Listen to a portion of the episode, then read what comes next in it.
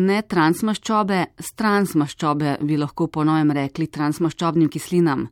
To so maščobe, ki so najmanj ugodne za naše zdravje, njihova količina v prehrani prebivalcev pa se je močno povečala v prejšnjem stoletju, ko je industrija pri proizvodnji živil začela trde živalske maščobe nadomeščati s cenejšimi, delno hidrogeniranimi rastlinskimi maščobami. Sem v najnovejših raziskavah, ki so jih delali, mislim, da na biotehnički fakulteti, zasledila, da je bilo največ transmaščobnih kislin ugotovljenih v južnih koncentratih in pa v slanih prigrizkih, to so palčke, tiste ribice, preste, potem je bil tudi, mislim, da nek sladoled.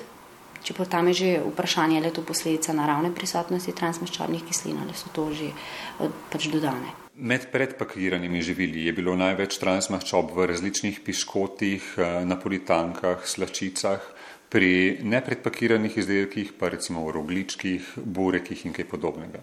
To so živila, kjer so morali zdaj v zadnjem letu proizvajalci prilagoditi sestavo in zmanjšati količino transmaščob. To je možno narediti z uporabo primerne tehnologije proizvodne in primernih sestavin. Seveda so se pa morali pri tem nekoliko potruditi, da so dosegli, da so to vrstni izdelki ostali takšnega okusa, kot jih pričakuje potrošnik. V Sloveniji je bil namreč lani uveljavljen pravilnik o najvišji dovoljeni vsebnosti transmaščobnih kislin v živilih in po letu umestnega obdobja bo 7. aprila končno začel veljati.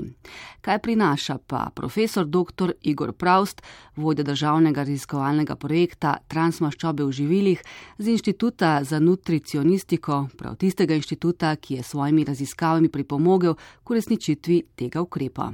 Gre za količino transmaščob, ki so jo prepovedale tudi nekatere druge evropske države, pri čemer pa je naš pravilnik najstrožji.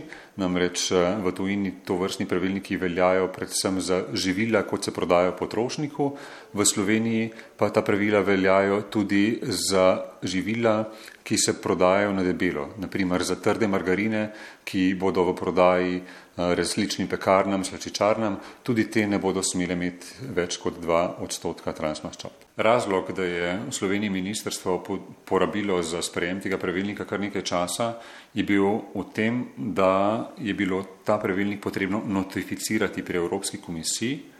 Notifikacija je bila potrebna zato, da bo pravilnik veljaven za vsa živila, tako za slovenska kot za uvožena. Namreč, če bi pravilnik sprejeli brez notifikacije, bi bil veljaven samo za slovenske proizvajalce, predhodni rezultati pa so pokazali, da so bila pa najbolj tvegana med, med predelanimi živili pa prav tista, ki so bila uvožena iz balkanskih držav. Torej, na ta način smo zdaj dosegli, da bo potrošnik zaščiten, ne glede na to, kakšne vrste živil kupuje. Je pa potrebno izpostaviti, da Drži, nekatere evropske države so to vrstno zakonodajo sprejele predvsej prej, nekatere druge, naprimer Nemčija, pa so bile pri odstranitvi transmaščob izjemno uspešne tudi brez kakršne koli zakonodaje. Ne. Preprosto se je pokazalo, da recimo pri Britancih, pri Francozih, Nemcih ne, so bili proizvajalci očitno veliko bolj, kaj rečem, pozorni, ozaveščeni, ne. mogoče so bila pričakovanja potrošnikov bolje izražena, Uh, mogoče so tam potrošniki zahtevnejši, ne, da so te proizvajalci spremenili sestavo izdelkov, brez da bi imeli uh, za sabo neko, neko zakonodajo. Ne. Pri nas se žal to ni zgodilo, čeprav smo vsi upali, da se bo. Uh, zato se mi zdi sprejem stroge zakonodaje edini ukrep, ki je bil še na razpolago, da se to doseže.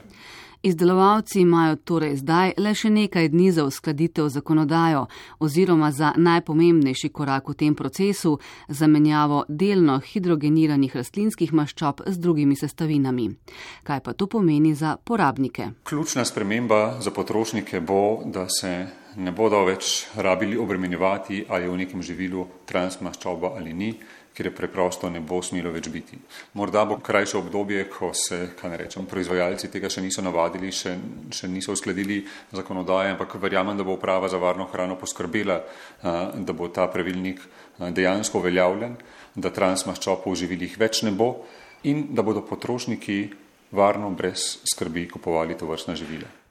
Kot pravi profesor dr. Igor Praust, so v okviru projekta Transmaščobe v živilih zadnji oduzem vzorcev izvedli konec leta 2018 in stanje je bilo precej nezadovoljivo. Če moram izpostaviti, da smo oduzemali vzorce tam, kjer smo v preteklosti našli izdelke s transmaščobami, torej šlo je za bolj tvegane obrate.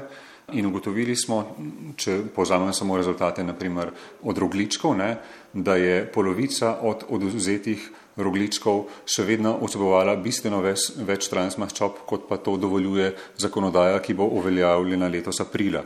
Recimo polovica izdelkov je vsebovala več kot 6 odstotkov transmaščob, dovoljena vrednost bo pa kot rečeno 2 odstotka.